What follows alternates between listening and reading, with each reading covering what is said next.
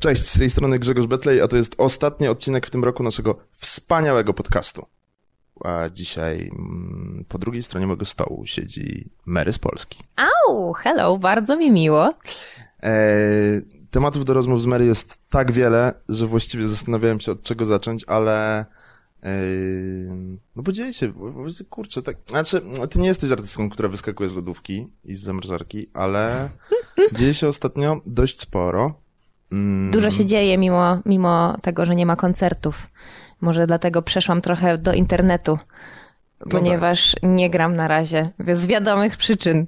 Ale y, off topic, natomiast nie masz, zanim przejdziemy do rozmowy o muzyce, twojej muzyce, nie masz takiego wrażenia, że gdybyśmy się szykowali na ten, na to całe zamieszanie, na ten lockdown na przykład, to by to mega dużo czasu zajęło, a jednocześnie jeśli ktoś, wiesz, zrobił taki dzień zero, w którym powiedział, dobra, wszyscy się chowamy do domów od teraz i nara, to się okazało, że wszyscy to potrafią po prostu. Myślę, że spontan w tragediach jest y, najlepszym rozwiązaniem i widzę to nawet we własnym życiu, że jak wiesz, że ma nadejść coś bardzo złego, to masz po prostu zniszczoną już głowę, czekając na ten moment. Mm. A jak on nadejdzie po prostu tak jak kometa, która przywali w ziemię, to nie masz czasu o tym myśleć i się zastanawiać, yy, czy tak się przygotować, czy to zrobić. Myślę, że gdybyśmy dostali info, że za trzy miesiące będzie pandemia, każdy by snuł wielkie plany, że o, to ja usiądę, zrobię wtedy płytę, a ja napiszę książkę i by yy, z wielkich planów było nic, bo potem byśmy się wszyscy obudzili w tych piżamach, w dresach, na kanapach i no trochę energia by siadła. Ej, a czy to świetne przejście do pierwszego tematu, który chciałem poruszyć, bo całkiem niedawno ukazał się taki mm, utwór nagrany przez ciebie, przez Julię Wieniawę i, i Arka Kłusowskiego pod tytułem Wspólna chwila. Ej, I gdzieś przeczytałem, że ty powiedziałaś, że mm, ty piszesz piosenki świąteczne co roku. Tak. Okej, okay, czy to nie jest trochę tak właśnie, a propos poprzedniego tematu, że pandemia sprawiła, że pomyślałaś, dobra, to, to wreszcie jest ten rok, kiedy nie, Wypuszczam ponieważ gdyby to był ten rok, to wyszłaby cała świąteczna płyta, bo ja 10 lat temu zapoczątkowałam taką tradycję domową z moją mamą, że yy, Niech powstanie jedna piosenka na święta, bo my zawsze na święta kolędujemy, muzykujemy, tata gra na skrzypcach, ja na gitarze, no to nie jedźmy tylko z tymi e, przybierzej do Bietlejem, zróbmy coś autorskiego i tak co roku cegiełkowo powstawała jedna taka moja piosenka. Ona była y, zupełnie do szuflady, ale tak jak już wiesz, piąty, szósty rok e, ta tradycja trwała, pomyślałam sobie, że niech to nie pójdzie do kosza, do kosza na śmieci, tylko niech to wyjdzie w jakiś sposób na płycie i taki sobie plan założyłam, że jak minie, minie 10 lat, co w głowie było absurdalne oczywiście, że no, to 10 lat to za milion lat, no to wydam tę płytę. No i 10 lat minęło, więc e, już powoli muszę nad tym myśleć, nad tym planem. A ta piosenka świąteczna, o której ty powiedziałeś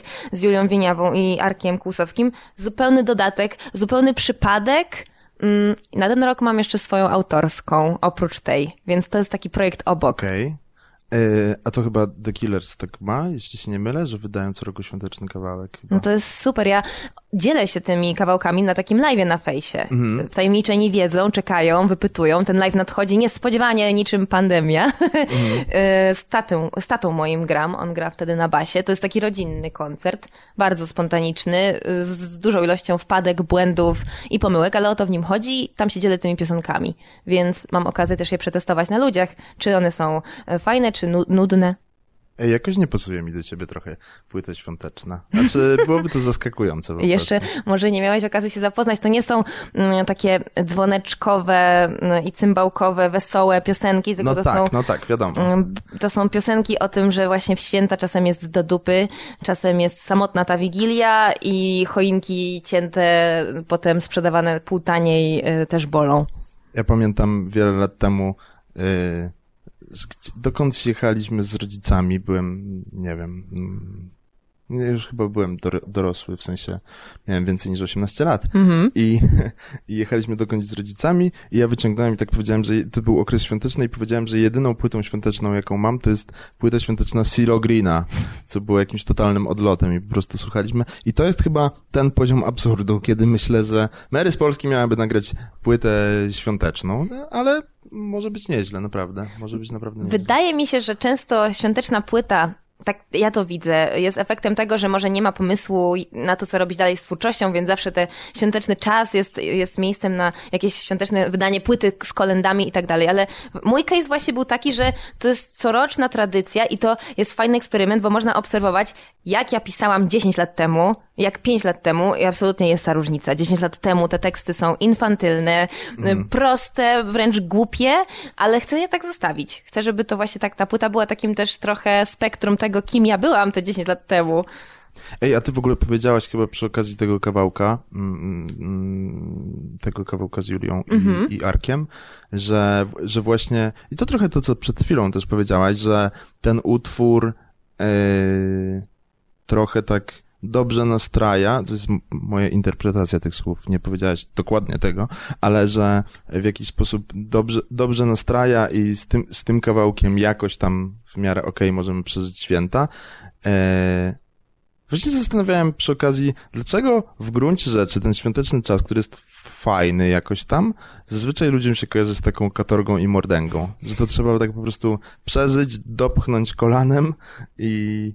A, jakoś przejdzie, nie? No bo to jest taka presja jak walentynki, że wiesz, musisz mieć tą drugą e, osobę, która ci wyzna miłość albo da laurkę, to samo w święta. Każdy ma presję, że musi być cukierkowo, świątecznie, rodzinnie, że nie możesz być samotny, a przecież wiele osób y, może chce spędzić samemu Wigilię z lampką wina i to też jest w porządku. Presja, żeby kupić najlepszy prezent w rodzinie, żeby... A ty tak spędziłaś kiedyś sama święta? Miałam na szczęście to szczęście, że nie, jeszcze nie zdarzyło mi się mieć takich w pojedynkę. Ale mhm. lubię w małym gronie też święta, takie tylko na przykład z tatą, mhm. czyli we dwójkę. Więc dla mnie każda forma jest, e, jak sobie w głowie to poukładasz, przyjemna. Lubię, mhm. lubię tą celebrację. Ja jestem tym typem, co wkłada świąteczny sweter z reniferem i okay. ma w domu choinkę. I ja nie jestem wyklęta na święta. Ja uwielbiam tą atmosferę, uwielbiam pakowanie sobie do głowy tego kiczu, że wszyscy teraz mają być radośni. Nawet czasem mi się uroni jakaś łza, żeby komuś e, ckliwie na napisać coś, jakieś życzenia, ale mm. nie te takie kopie i wklej, bo one mnie akurat wkurwiają na maksa. Mm. Więc ja lubię to, że w święta się tak nakręcamy, no bo kiedy indziej. Ja uważam, że ludzie powinni mieć takie momenty, e, wyznaczone daty, gdzie muszą się trochę zmobilizować do tej wzajemnej miłości, no bo tak to byśmy się wszyscy zatopili w laptopach i myślę, że byśmy zapomnieli w ogóle o, o takim jakimś celebrowaniu. Mówię to tak w kontekście, że wczoraj na przykład cały dzień przełaziłam mikołajkowo w swetrach właśnie z reniferami i przy kolendach i e, nawet się ze mnie właśnie śmiali, że, że trochę jak taka szalona ciotka z Ameryki, ale ja lubię to. Nie, no maksa. E, ja, a, a propos to właśnie ja wczoraj sobie myślałem, no trochę w innym kontekście w ogóle, ale, ale myślałem o tym, że kurczę, lubię tak jak, nie wiem, jakiś film czy muzykę taką patetyczną trochę, taką takie. Ale ja na przykład w zeszłym roku spędziłem sam święta. Mhm. I jak I to było? Mega. Y, po, po, pochodziłem sobie po Warszawie, pojeździłem trochę i po, poobserwowałem puste ulice. Wow, naprawdę. E, to jakoś tam przez przypadek wydarzyło mi też takie sytuacje w ogóle nie sprawiają jakiejś tam przykrości, nie było mi strasznie. Mm -hmm. Natomiast no, zaskakująco jest faktycznie, tak bardzo zaskakująco. Szczególnie jak masz, to tak jak, nie wiem, spędzić samą Sylwestra też, nie? Że trochę... Że czujesz, że jesteś może w, nie tam, gdzie powinieneś, kiedy wszyscy się bawią, w sensie tak, coś tak. takiego z tyłu głowy rezonuje. Tak, ale z drugiej strony nikt nie powiedział, wiesz, że tak musi być, no nie? Tak. W sensie, że że to na Sylwestra to trzeba być gdzieś tam. Ale to super się też składa przy okazji tego, że mówisz, że w małym, w małym gronie lubisz, bo w tym roku idealnie pięć osób maksymalnie, więc... Myślę, że wiele rodzin złamie ten przepis. Gdyby mogła, też bym pewnie go złamała, ale no cóż, to będą takie właśnie dziwne te święta. I nie wyobrażam sobie kolędowania na Zoomie. Jakoś w ogóle nie, nie, nie jestem fanką tych połączeń takich online'owych. No ale cóż zrobić? takie będą czasy, zobaczymy jak to wyjdzie i jaki będzie Sylwester. Widziałem jakiegoś takiego mema, taki rysunek koło fortuny, na którym są wypisani członkowie rodziny i e, tam tato z mamą losują, którego dziecka nie zapraszają na, na, na święta. Bardzo dobre. Ale, ale wracając tak już stricte do twojej muzyki, to jest jeszcze druga bardzo, bardzo świeża rzecz, o której warto porozmawiać, poza tym utworem świątecznym, e, to znaczy twój najnowszy klip. O, to jest coś, czym żyłam teraz bardzo, bo no tak, Opowiadaj. masz na myśli ten e, klip do Sorry from the Mountain, czyli czwarty singiel. Wydawało mi się, że już się nie doczekam y, czwartego klipu do tej płyty, no bo mm. jest ta pandemia, nie ma koncertów, trochę się już wszystko tak, no rok minął od tej płyty, a tu nagle bank, y, przychodzi szkoła teledysków i mówi Mary, czy chcesz, żebyśmy ci zrobili klip, no to mi się oczy tylko zaświeciły i jakoś się dobrze zgadaliśmy razem, bo ja marzyłam o tym, nie wiem czy kojarzysz, jest taki klip y, X-Ray y, Tomiego Kasza, i y, tam jest taka msza odprawiona, taka rejwowa msza, mhm. że wszyscy nawalają w rytm i mają te togi i szkoła teledysków jakoś tak wyczytała mi w myślach, że to są moje klimaty, bo ja im nie mówiłam okay. co bym chciała, bo okay. to miało tak być, że, że oni przychodzą z pełnym pomysłem i mają jakby mi zaproponować i tu przychodzi treatment, a tam jest właśnie kaplica z tym moim krzyżem, sorki, e, kaplica z moim krzyżem, jest e, mnóstwo dziewczyn w tych właśnie e, kościelnych takich szatach i stwierdziłam, że to jest jakaś intuicja. No i to zrobiliśmy. Stworzyli taką kaplicę w miejscu, gdzie też był nagrywany klip do męskiego grania singla Początek. Mhm. Taka wielka hala. No i to robiło wrażenie wrażenie, jak tam naparzały te światła kolorowe do tych krzyży i, i dziewczyny tańczyły w szatach takich y, trochę nawiązujących właśnie do mnichów czy jakichś takich, y, nie wiem, świętych osobliwości. To było mocne. Ale to y, fajnie się łączy z, z tym hasłem, z, z, tego utworu. Mm, każdy, każda dziewczyna ma wierzyć w siebie. Fajnie. Tak, właściwie to, to yy, dlatego też zostały zaproszone tam dziewczyny bardzo różne, yy, żeby pokazać, że jesteśmy razem, to jest taka właśnie kaplica, świątynia, która czci głowę, czci ciało i czci tą wiarę, ale wiarę w siebie. Mm. I mhm. to mi się bardzo podoba, że zrobiliśmy tak, taką grubą metaforę tego, no bo też cała płyta Dekalog z Polski, ona celowo tam lawiruje wśród tych religijnych, sakramentalnych jakichś różnych metafor. No i nagle klip, który jest już właśnie w tej świątyni i są dziewczyny, i to na, w ogóle na planie było czuć taką energię dziewczęcą, bo też e, wśród reżyserek ze szkoły teledysków były dziewczyny. Mm. Fajnie się to obserwowało, że jakiś taki jest duży power i pewność siebie. Ale to w ogóle mm, mm, a propos naszej wspólnej koleżanki, o której rozmawialiśmy jeszcze przed nagraniem, czyli Moniki Wydrzyńskiej. Mm -hmm. z, Pozdrawiamy z linii, z linii nocnej, nocnej. To ona mi kiedyś mówiła taką rzecz, że ma takie poczucie, bo ona uczy śpiewu, ale też yy, prowadzi ten, te, wydaje mi się, że małe TGD, ten zespół taki mm -hmm, dziecięcy. Tak. I ona mi właśnie mówiła przy tej okazji, że kurczę, ma, takie, ma takie poczucie, że bardzo często te małe dziewczyny czy dziewczynki, które mm, śpiewają, że są mega niepewne siebie i właśnie, że, że brakuje jakiegoś takiego powiedzenia im na przykład, że wszystko to, co robią jest okej, okay, mhm. że mają wierzyć w siebie, mówiąc słowami twojej piosenki po prostu. E... Nie było chyba tak, tak mi się wydaje, nie, nie mogę sobie gdzieś tam odświeżyć w głowie takiej, takiej sytuacji. Mm, jakiejś wokalistki, bo wokalista może by, mógłby być niewiarygodny. Nie było wokalistki, która by o tym głośno mówiła. Myślę, że dużo mamy takich kobiecych hymnów, ale faktycznie taki in your face, yy, nie wiem, czy ostatnio się spotkałam, ale śmieszne jest to, że no ja piszę to właśnie z perspektywy dziewczęcej, no bo jestem dziewczyną, a ile facetów do mnie pisze, że Mary, ale jak to jest, to chłopaki mają w siebie nie wierzyć oczywiście ludzie czasem nie potrafią tej metafory jakoś kupić i przenośni, więc oczywiście piosenka namawia do tego, żeby odkryć w sobie tą pewność siebie, wiarę w siebie. Ja jako dziewczyna piszę o dziewczynach, ale to, co powiedziałeś, że powinno się mówić małym dziewczynom, yy, że są coś warte, że potrafią, to to jest myślę najważniejsze i ja tu miałam y, duże szczęście, że moja mama była taką osobą, która, wiadomo, rodzice zawsze są największymi fanami mm. swoich dzieci, ale mama była osobą, która mi non-stop powtarzała, y, że ja jestem właśnie y, piękna, że ja piszę piękne piosenki, że ja będę kimś i jakby ona mi to ładowała do głowy, więc to był mój taki w zasadzie korzeń w ogóle tego, że ja się odważyłam wyjść na scenę, jak byłam mała, że ja nie miałam takiego w sobie wstydu, żeby się gdzieś, nie wiem, zgłosić na jakiś konkurs. No a jeżeli w domu nie ma tego wsparcia, tylko wręcz przeciwnie jest y, komentarz w stylu, a weź się za coś y, normalnego poważnego. i mhm. poważnego, no to ciężko tą pewność y, w sobie znaleźć, bo potem wychodzisz na scenę i konfrontujesz się z ludźmi, którzy mogą w ogóle cię obśmiać, mhm. mogą powiedzieć, że ci się, że, że nie podoba im się to, co robisz i mają do tego prawo, tylko właśnie ważne, żeby ty, żebyś ty um, czuł, czuła jakiś taki, że, nie wiem, coś takiego, że, że jest sens w tym, co ty robisz. Jak ty tego nie czujesz, to, to ludzie to odczują na maksa. A tu w ogóle poruszyłaś dwa ciekawe wątki. Jeden wątek taki e, facetów, e, to znaczy no nie ma nic bardziej jakiegoś, nie wiem nawet jakiego słowa użyć, infantylne to może złe słowo, ale e, może wkurzającego też trochę, jak teraz y, y, faceci, którzy mówią dziewczynom, wiesz, na, na przykład przy okazji strajków kobiet, mm -hmm. nie, mhm. że,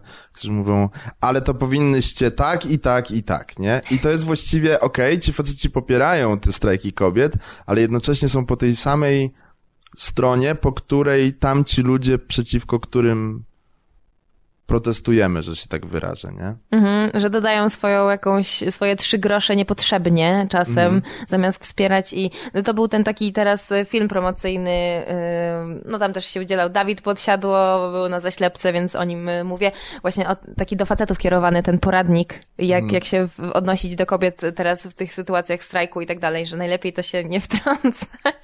No. I podobała mi się ta metafora. Tak. Ale też drugi wątek, który poruszyłaś, to, to mną wstrząsnęło już tak całkiem na poważnie. Gdzieś tam ostatnio, w ogóle śledzę takie rzeczy, ale ostatnio mi mignęło z jakiegoś profi profilu takiego feministycznego yy, takie hasło, jak wiele dziewcząt młodych mierzy się, ja w ogóle sobie z tego nie zdawałem sprawy, na przykład z tematem ojców, którzy mówią, jesteś gruba, przytyłaś. Jakby okej, okay, wiem, że się takie rzeczy dzieją generalnie, ale to jest dla mnie szokujące, w sensie jakby, bo wydaje mi się, że wszystko, to też trochę powiedziałaś, że wszystko wynika po pierwsze z jakiegoś tam charakteru domu, że tak powiem, mhm. ale druga rzecz z edukacji, nie? W sensie, no trudno nam pozmieniać myślenie pięćdziesięciolatków, ale ośmioletniej dziewczynki, której na przykład swoją piosenką powiesz, że masz wierzyć w siebie, jakby. Mhm. Myślę, że dlatego fajnie, jeżeli te moje utwory też trafiają do tych młodszych osób, mimo tego, że no, czasem mają jakiś wulgaryzm, przekleństwo, ale no, kaman, wszyscy będą przeklinać w życiu i kto nie słyszał, jak był mały, ten niech rzuci kamieniem. Więc y, myślę sobie, że takie sytuacje, kiedy właśnie ktoś w rodzinie tak cię podkopuje, są, są najgorsze do tego, żeby, żeby się podłamać, no bo przecież też sam w sobie internet jest mocno podłamujący, jak właśnie młode dziewczyny oglądają wyfotoshopowane ciała i jeszcze słyszą w domu jakieś do siebie pretensje no to można się naprawdę wtedy y, no, zakręcić. Dlatego trzeba takie proste hasła w głowie zapamiętać.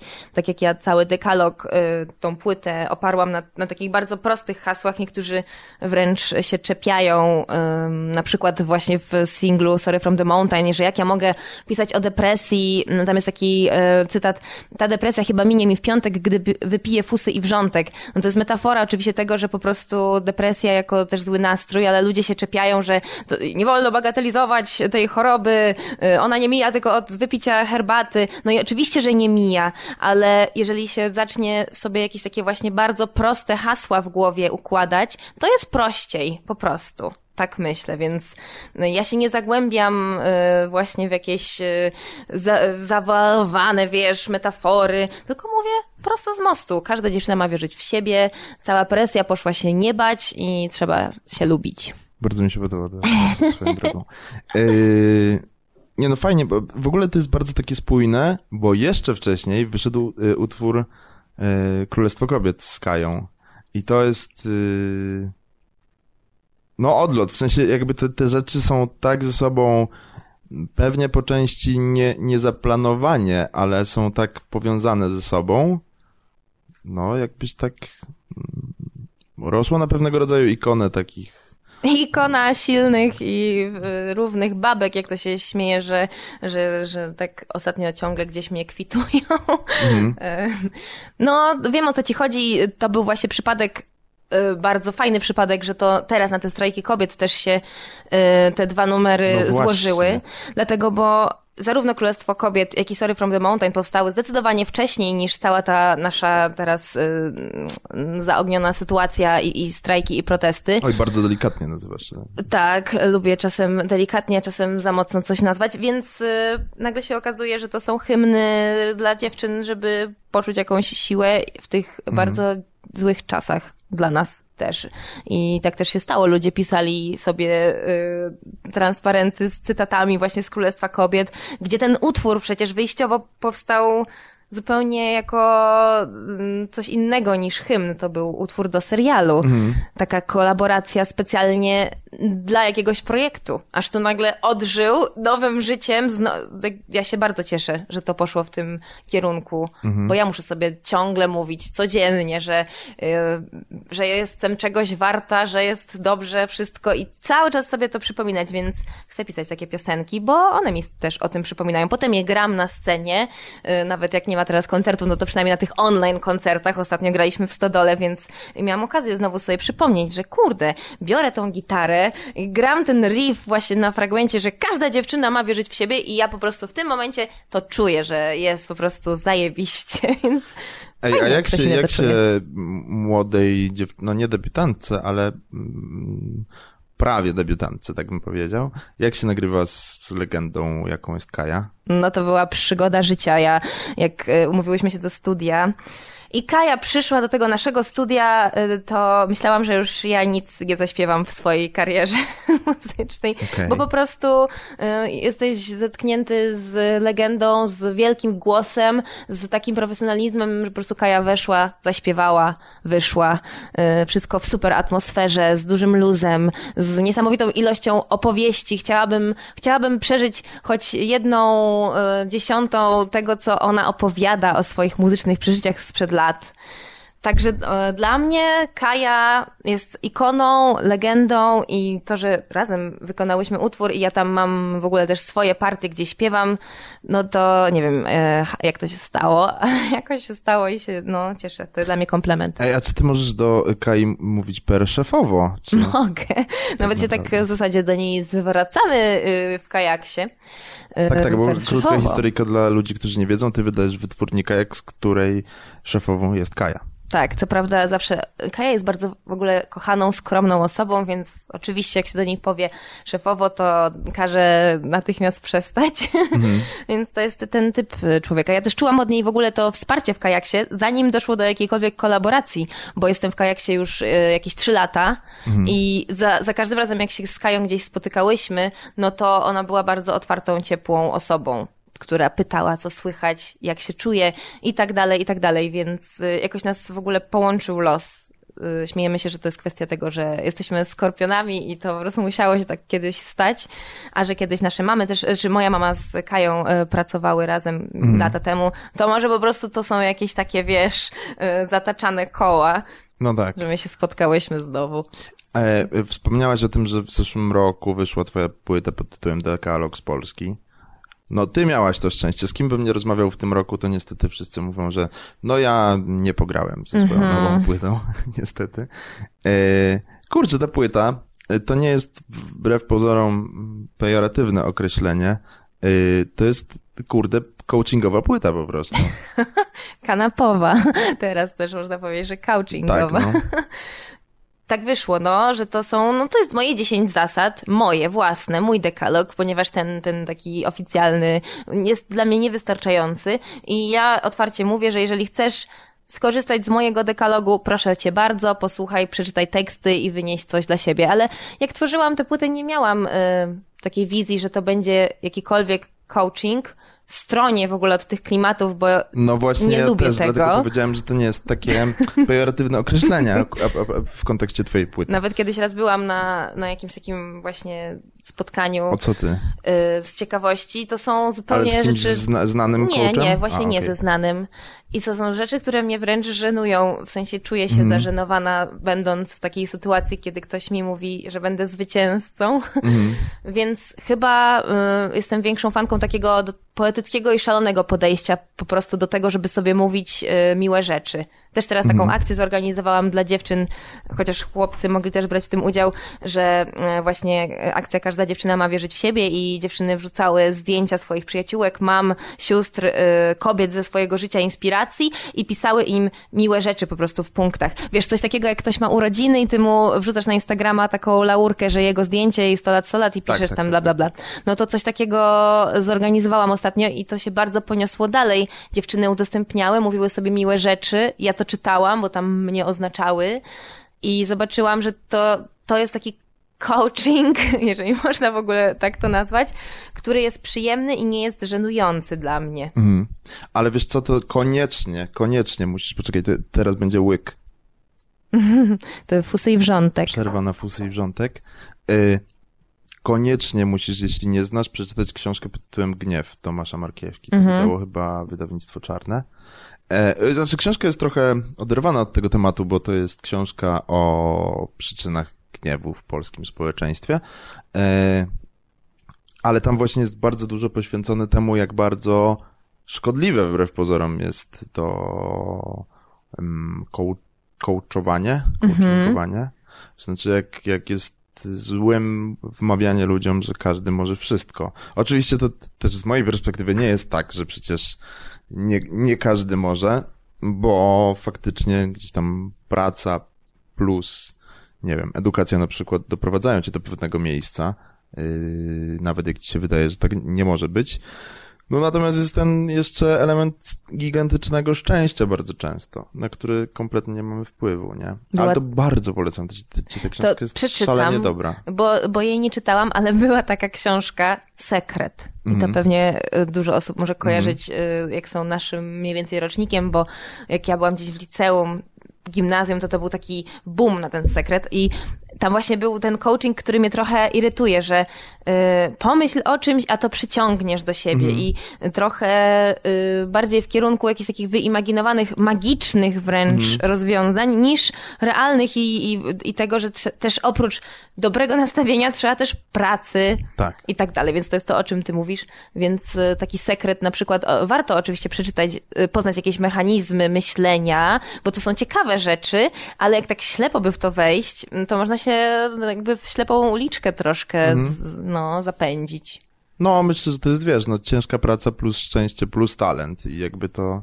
Chyba szczęście wiesz, no, przede wszystkim, no. niestety. Tak, tak, ale jak masz na przykład, wiesz, masz, masz gigantyczny talent, no, na przykład do śpiewania, a kompletnie ci się nie chce pracować, to jakby samo nie zrobi po prostu, nie? Tak Myślę, że tak. Wiele sytuacji to pokazało, że nie tylko talent wystarcza, trzeba też mieć y, taką w sobie mobilizację, też przecież ile mm, niesamowitych talentów poszło w tą drogę taką klubu 27. Destrukcyjną bardzo. No, więc hmm. trzeba na wiele rzeczy zwracać uwagę.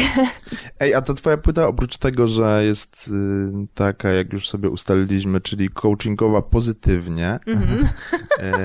jedyny coaching, jaki akceptujemy, powiedzmy, to no w nawiązaniu do dekalogu jest trochę religijna. Jest, bo tak jak powtarzam, to jest wiara, moja w siebie. Ja mhm. tam po prostu promuję taką wiarę, bo też ja nie jestem osobą wierzącą, cały czas szukającą. Wynika to najpewniej też z mojego domu, gdzie mama była y, też niewierząca, nie chodziliśmy do kościoła, mhm. nawet nie przyjęłam komunii świętej, po prostu u nas w domu tego nie było, ale mimo wszystko kościoły i ta cała kultura mm, jest i była i chodziło się mimo bycia niewierzącym do kościoła poświęcić święconkę, jak byłam mała i po prostu tu się mieszały trochę takie tradycyjne, świeckie y, jakieś y, schematy z, y, z tą właśnie kościelną całą i religijną kulturą, więc ta płyta trochę też jest takim moim trademarkiem, że ja się też wychowywałam w takim świecie, świecie krzyży, mm. Matek boskich. U nas w domu, mimo tego, że nie byliśmy wierzący, było dużo właśnie tego typu atrybutów. Mhm. Jako sztuka po prostu. No plus, no to co mówisz, trochę rodzaj kultury, nie? Taki, z którym się nie można kłócić. Ale mm, to bardzo ciekawe, że o tym powiedziałaś, bo dzisiaj rano sobie jadąc na spotkanie z tobą, myślałem o tym, że jak bardzo dużo młodych artystów dzisiaj e, dosłownie czy niedosłownie, a tu mam pierwszy przykład z brzegu, Kasia Lin z, mhm. z, ostatnią płytą, czy, czy, czy Krzysiek Zalewski w jakiś sposób, e, z, też z ostatnią płytą, e, dziś kurczę mówi o tej religii, nie? W sensie, już takim, czy ty czujesz, że to jest jakiś taki właśnie czas, mm, mówię trochę o, o, o, o czasach w znaczeniu tego, co się dzieje na świecie od paru lat, powiedzmy, czy jakiś postępujący konsumpcjonizm łamane na populizm, łamane na hejt i tak dalej, i tak dalej, że to jest czas mm, poszukiwań wśród artystów młodych? Czas poszukiwań chyba Wiesz, u nie, mnie... nie mówię stricte o Bogu, ale o jakimś sensie? Być może też mm -hmm. Bogu, nie? No mnie się bardzo podoba koncepcja Krzyśka Zalewskiego z końcem świata na całej mm. płycie Zabawa. Płyta Zabawa, a jednak teksty apokaliptyczne. Mm, no Kasia Lins też jestem ogromną fanką. Ona bardzo poszła w ten klimat, który ja uwielbiam, czyli sztuka sakralna, właśnie bawienie się w bycie zakonnicą. Mm. Myślę, że to jest czas szukania. Nie wiem, czy te teraz dziwne czasy to wymusiły, bo mm, płyta akurat moja powstawała przed pandemią, teraz na pewno miałabym jeszcze bardziej apokaliptyczne myśli, mm. jak ta pandemia cała wyskoczyła. Mm, ja byłam cały czas osobą szukającą i jestem i y, bardzo często te tematy właśnie życiowe, tematy śmierci mnie kręcą. W zasadzie to zaczęło się też od tego, jak moja mama odeszła i to mi otworzyło bardzo oczy na to, jak życie jest krótkie, jak może szybko zniknąć, y, co to znaczy stracić kogoś, kto był ci najbliższy, najbliższy forever, bo to w moim przypadku była bardzo y, taka relacja zaciśniona, więc to mi tak otworzyło oczy na w ogóle myślenie o śmierci, stąd w ogóle na wszystkich moich płytach jest ten temat, bo na pierwszej mhm. też y, pojawiają się krzyże i też pojawiają się teksty mm, nawiązujące właśnie do pogrzebów, jest utwór Przegapiłam pogrzeb swój. I ja to wszystko oczywiście piszę w formie zabawnej, ironicznej, ale tam pod spodem są grube przemyślenia na temat tego, czy ja w ogóle chcę żyć, czy ja nie mhm. chcę żyć? Czy to się opłaca, nie opłaca? Yy, a jak się opłaca, to doceniaj to wreszcie, a nie się zamartwiasz. I tak, i po prostu tabun myśli właśnie takich egzystencjonalnych. I one mi towarzyszą od długiego czasu i lubię mm. o tym pisać. Ale to w ogóle ciekawe, bo trochę to, to powiedziałaś teraz, jakby dać komuś, kto nie zna polskiego, y, twoją płytę, to mógłby sobie jej posłuchać trochę z myślą, a wesoła, fajna płyta, tak. A jak posłuchasz później tekstu, tak myślisz, w tej, na tej wesołej płycie po prostu siekiera wisi w powietrzu i obcina głowę.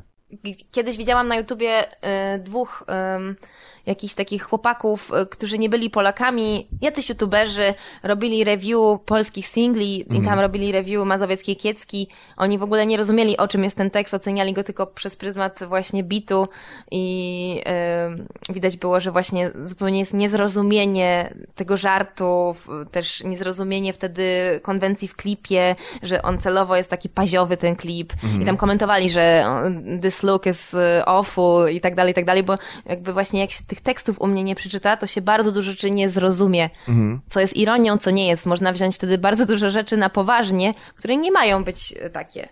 Więc mhm. dlatego ja jestem z Polski i w ogóle chcę tu być i tu tworzyć, no bo te teksty są moim takim źródłem wyrazu mhm. i ja w to też chcę iść. Ej, a, a propos Mazowieckiej Kiecki, czyli dla kogoś, kto jest niezapoznany z twoją twórczością, twojego z trzeciego singla. singla yes. Mm, mega rozbawiło mnie to zdanie, e, które, nie wiem, być może w jakimś newsletterze z wytwórni przeczytałem, e, że powiedziałaś, że pisząc w ogóle tę płytę, lubiłaś gdzieś, mieszkałaś w okolicy mazowieckiej, czyli dla ludzi spoza Warszawy jest to taka ulica z klubami, w Warszawie, że lubiłaś wyjść na tę ulicę i pooglądać pijanych ludzi po prostu. To jest y, bardzo zabawne. Bo ten, kto y, zna Mazowiecką, ten wie, że to są kluby takie właśnie no takiego sortu biesiadnego, rzekłabym, takiej mhm, dyskoteki... Taki udaje, udajesz, że, że trzymasz poziom, ale nie trzymasz poziomu. Mm, tak, dosłownie i w przenośni. Lubiłam patrzeć na te kołyszące się e, kobiety w futrach i kusych sukienkach, e, gdzie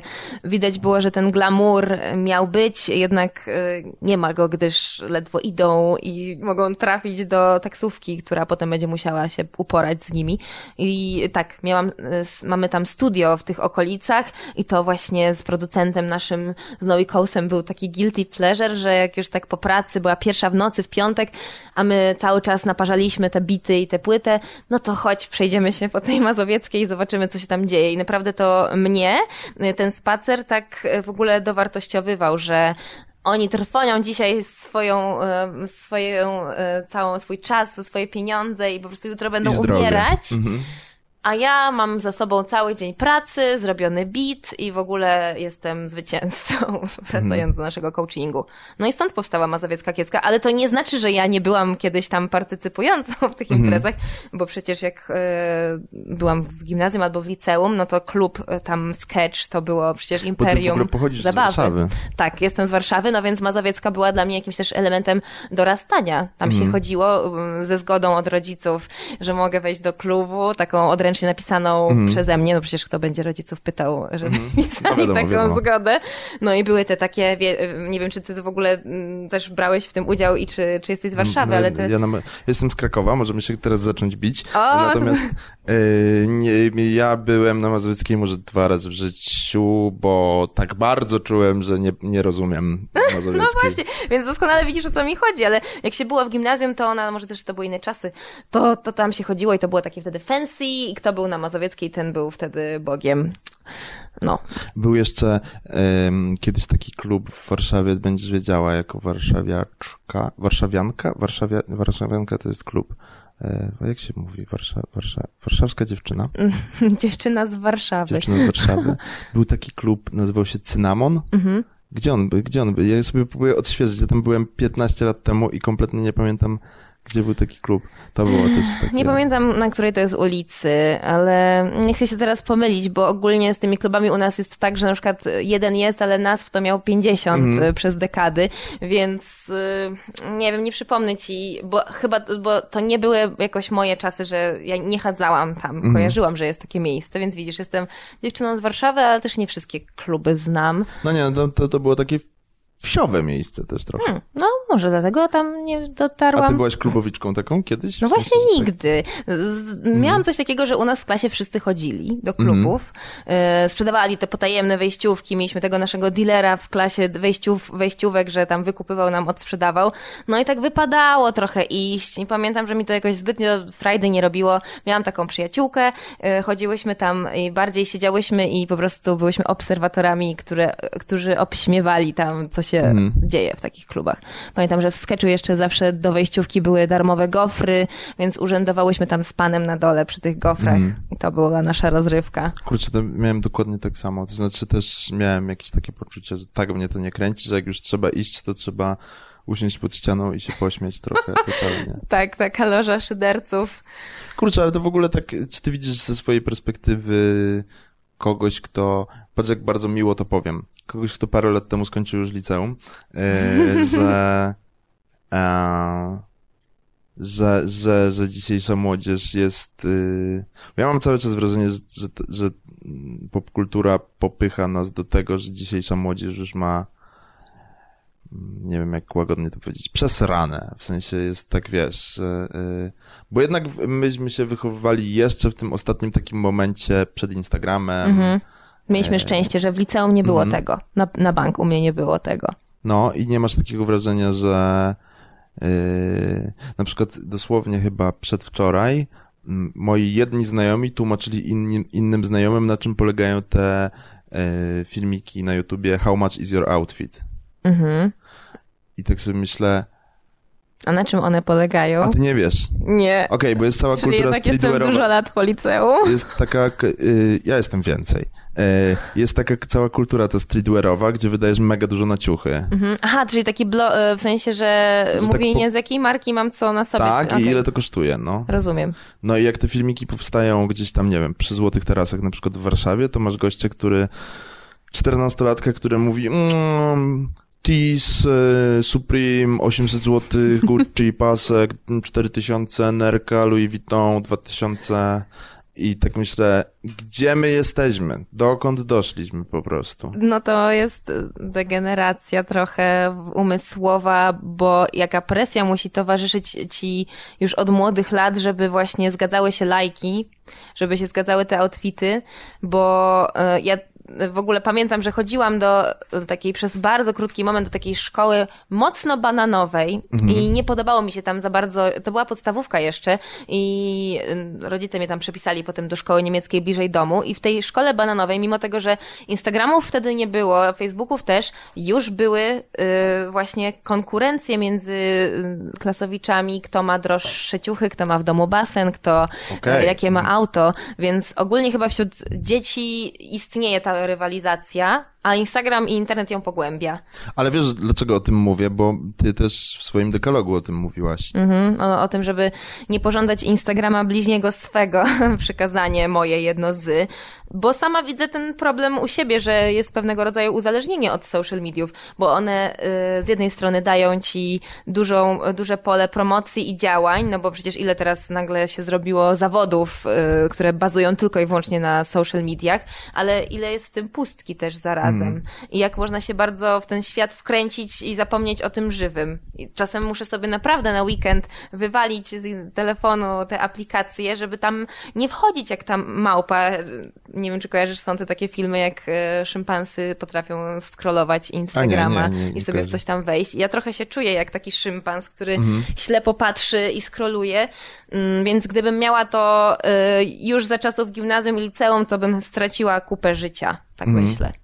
No, ale no. to w ogóle przy okazji wyprowadzania TikToka ze Stanów to jest bardzo ciekawe, nie? Że ktoś zbudował swoje życie młode wciąż, krótkie, ale zbudował swoje życie na tym, że zna TikToku i nagle przychodzi ktoś, kto mówi, ta aplikacja postępuje niemoralnie, kradnie dane, zamykamy aplikację i gość jest zdziwiony, bo właściwie nie ma podstaw do jakiejkolwiek pracy, nie? Wszystko mu ginie, cała tak, jego praca. ale jednocześnie masz takie przeświadczenie, że no nie był zawodowym wiem, fotografem, montażystą mhm. i tak dalej, i tak dalej, więc w gruncie rzeczy niczego wciąż nie umie. Nie ma, nie ma, nie ma punktów CV wciąż, nie? Chociaż jest, wydawało mu się, że na szczycie. To jest coś, o czym bardzo często myślę. Y, co by się stało, jakby właśnie nagle wywaliło Instagrama wszystkim i wszyscy y, mieliby nagle wyzerowaną ilość followersów. I tak sobie myślę, że warto mieć coś oprócz tego, jeżeli to jest twoje główne źródło działalności, no to jednak warto myśleć, że mm, o jakimś planie B. Ja na przykład jako człowiek, który jest muzykiem i muzyka to jest moja podstawowa rzecz, używam sobie te social media jako dodatek do promocji. Mhm. Gdyby mi to pierdolnęło i po prostu wyzerowało się. Oczywiście byłoby smutno, bo to jest jakaś praca włożona w to dzielenie się z ludźmi, tymi koncertami i tak dalej, ale mimo wszystko zostaję ze swoją gitarą i, i mogę od nowa budować właśnie z płytami, jeździć, grać koncerty i, i jakby nie ginie mi moja cała, moje życie mi y, zawodowe y, cały czas istnieje, nie, nie, nie ginie. A co z osobami, które są właśnie influencerami, tiktokerami? Nie wiem, czy XXI wiek to jest jakiś taki teraz czas, żeby pomyśleć o tym, żeby nazwać te zawody, czy właśnie cały czas wiek, w którym będziemy je uznawać za takie półzawody? Czy też wiek, w którym powinniśmy wykosić te zawody? Żeby... Właśnie, tego yy, nie wiem. Ja jestem ciekawa, w którą stronę to pójdzie, się właśnie zawsze zastanawiam, bo przecież kiedyś było grono, nagle go nie mm -hmm. ma. No mm -hmm. oczywiście teraz Później Facebook... była nasza klasa. Tak, była nasza klasa i, i teraz jest Facebook, Instagram. Oczywiście one mają chyba zdecydowanie mm, mocniejsze zasięgi i tak się już zakotwiczyły w naszym społeczeństwie, -hmm. ale co jak e, nagle to wszystko zostanie właśnie usunięte? Co z tymi ludźmi, którzy mhm. żyją tylko z tego? współczuję tego stresu. Ja bym się stresowała codziennie rano, że o tak. mój Boże, cała moja Spad, baza, którą... Spada na przykład Tak, tak, tak, że coś mi się dzieje z tym. No, to jest, to jest straszne.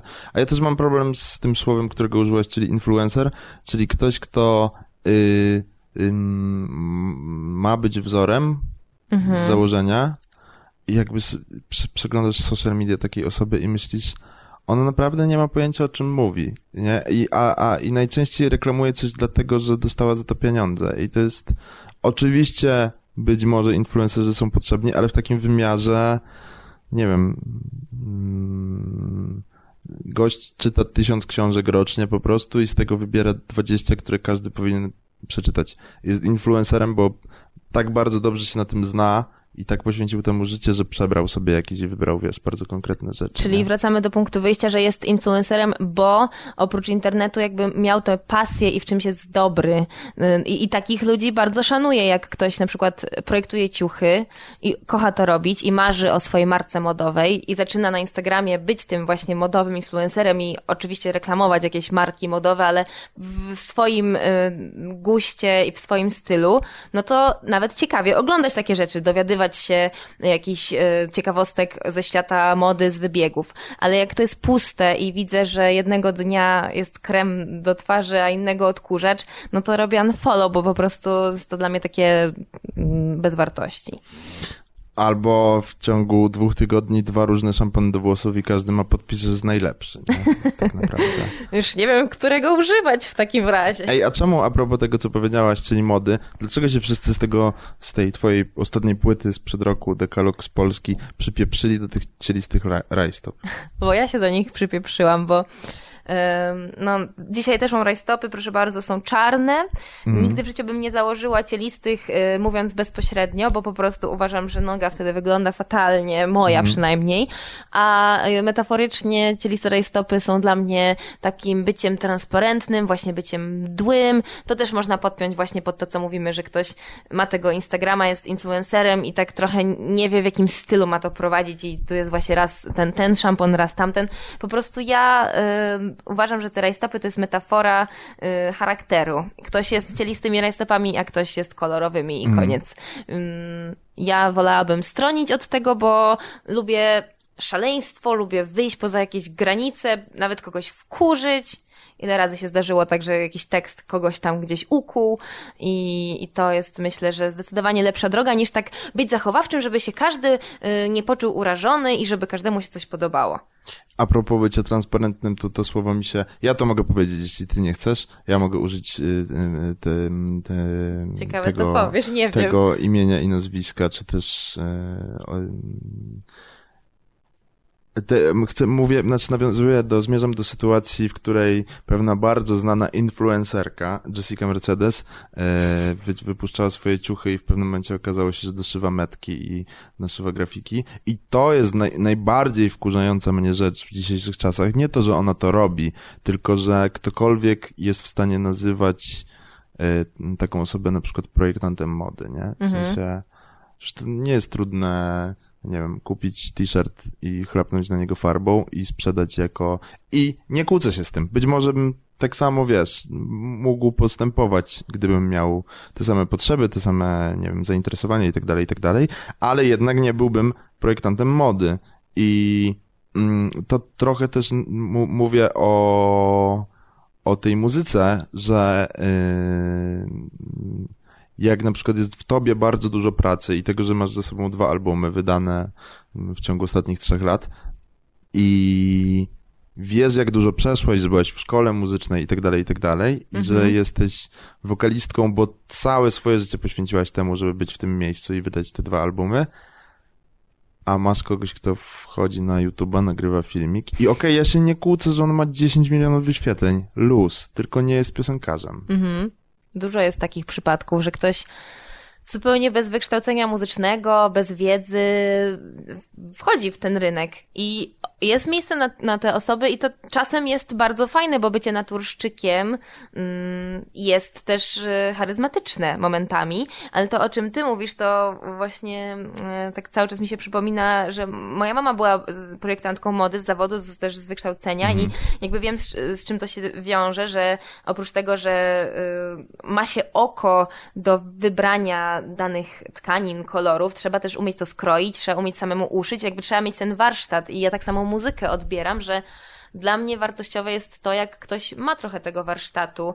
I nie, nie zaraz musi skończyć szkołę muzyczną, ale niech się chociaż zainteresuje właśnie przeczytaniem nut, czy znajomością, nie wiem, metrum, w, jakim w jakim śpiewa, więc ta ignorancja bardziej mnie czasem razi. Bo to, że ktoś wyszedł z punktu zero i nic wcześniej nie miał, y, żadnego wykształcenia albo wiedzy, no to nie mam z tym żadnego problemu. Sama tak działam w branży właśnie modowej, że ja, ja cały czas podkreślam i można milion wywiadów ze mną zobaczyć, jak mówię, że właśnie nie jestem projektantką mody, tylko jakby bawię się modą, robię swoje ciuchy, mhm. wiedząc właśnie, jakie trzeba mieć zaplecze, żeby być projektantem mody, więc bym się tak w życiu nie nazwała. Ale muzykiem się już mogę nazwać, bo skończyłam szkołę muzyczną na skrzypcach, chodziłam na milion lekcji wokalnych i tak dalej, bla, bla, bla i wszystko to, o czym ty powiedziałeś. Więc chyba ta ignorancja mnie najbardziej radzi, że jak już łapiesz się za autotuna yy, i chcesz jechać, nie wiem, z podkładów, które zrobi ci yy, jakiś program generycznie, no to się do tego yy, z pokorą odnieś, a nie nazywaj się wtedy wielkim muzykiem i twórcą. W sensie no tak. chyba o tę wewnętrzną świadomość. Tutaj toczy się walka o wewnętrzną świadomość. Chciałbym jeszcze o jednym przykazaniu z twojego dekalogu powiedzieć, czyli czci głowę, czwarte czci głowę swoją. No tak, to jest właśnie przekazanie do singla Sorry from the Mountain, o którym gadaliśmy. Mhm. Mm. Ważne teraz, jeszcze w pandemii tym bardziej, bo mm, ludzie zapominają o tym, że zdrowa głowa jest ważniejsza niż ładne ciało i y, dziewczyny chyba bardzo o tym zapominają, że się zażynają na siłowniach, ćwiczą, nie jedzą i potem są i tak nieszczęśliwe. Mhm sama to odczułam, że miałam taką współpracę z trenerką w zeszłym roku, bo bardzo mi zależało na zrobieniu dobrej kondycji i formy na koncerty, bo czułam latem, że to jest problem u mnie, że chcesz, wiesz, po prostu poskakać do tych swoich rave'ów, a nie zawsze możesz, bo masz zadyszkę. No i złapałam się na, na tym, że współpraca doprowadziła do, do takiej właśnie gigantycznej presji, mm, że nie można nic w ogóle już zjeść i trzeba codziennie ćwiczyć i że to jest po prostu najważniejsze w życiu. Taką, taką jakąś wyznawała też zasada, zasadę ta moja trenerka. Stwierdziłam, że hold your horses, po prostu czasem ważniejsza jest ta zdrowa głowa niż y, sześciopak na, na brzuchu. A swoją drogą to był chyba, chyba Aerosmith, tak mówili, że, że jest parę lat z ich życia, których kompletnie nie pamiętają przez alkohol i narkotyki, natomiast zawsze byli rano na siłowni, mimo przećpania i tak dalej, nie?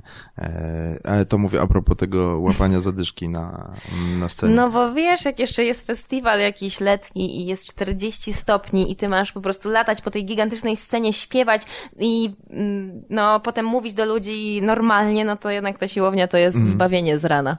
Polecam przyjrzeć się temu, zanim będzie za późno. Tak jak y, myślałam właśnie u mnie, że a spoko, tam dam sobie radę, ale nie, jednak trzeba, tak jak właśnie warsztat muzyczny, trzeba też ten warsztat taki fizyczny w sobie ćwiczyć.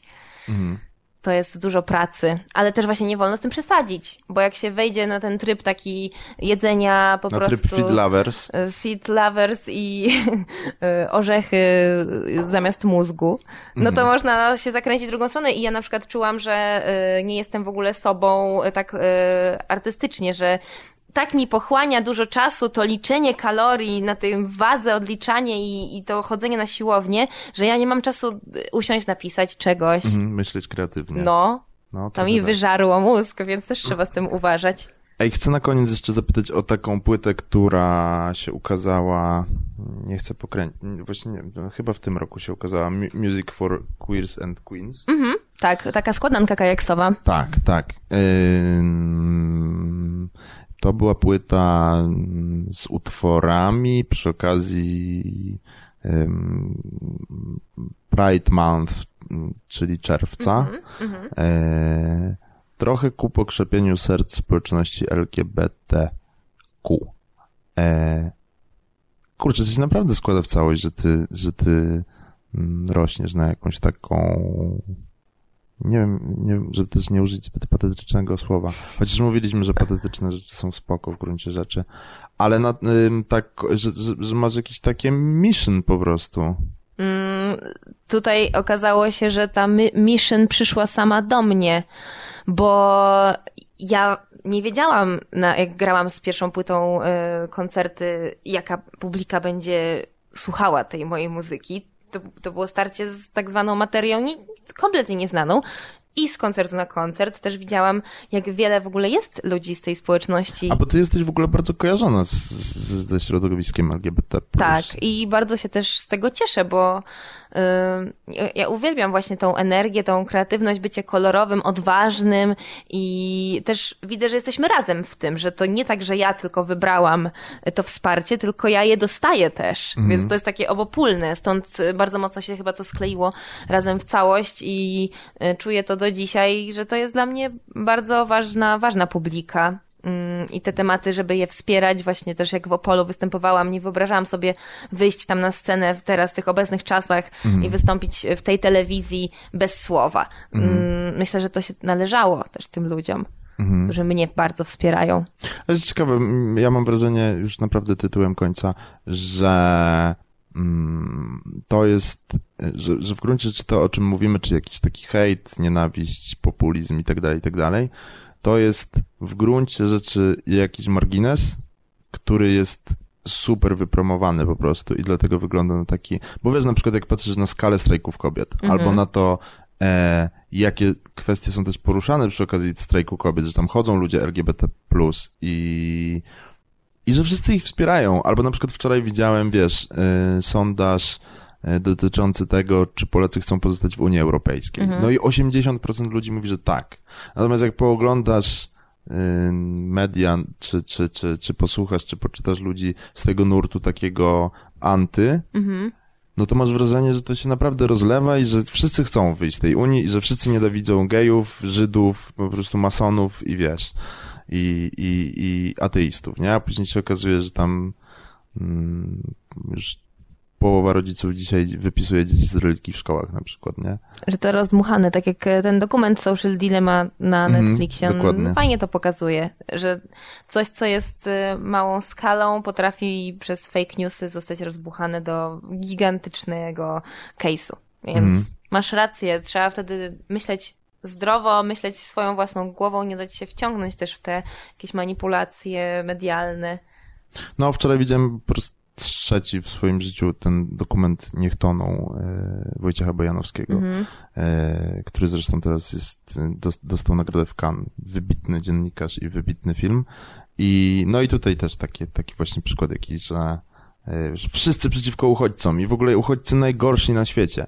A później się okazuje, że jak przychodzi, wiesz, do protestu i, i przychodzi pod, y, e, wiesz, wyciągnąć ludzi na ulicę, którzy mają protestować przeciwko, no to przychodzi tam, wiesz, dwie osoby przychodzą i krzyczą, mhm. że, że trzeba nie przyjmować. No bo Os... to jeszcze trzeba być odważnym, a odważnym no się tak. jest bardziej w Tak. Jak mówi stare przysłowie, kozak w necie. E, ty jesteś mistrzem niedopowiedzenia, niedopowiadania takich słówek swoją drogą. E, dobra, na koniec chciałbym cię zapytać, e, tak, bo to może być bardzo szerokie pytanie, e, a, a e, przeczytałem dawno temu, że ty niesiesz na barkach krzyż z Polski.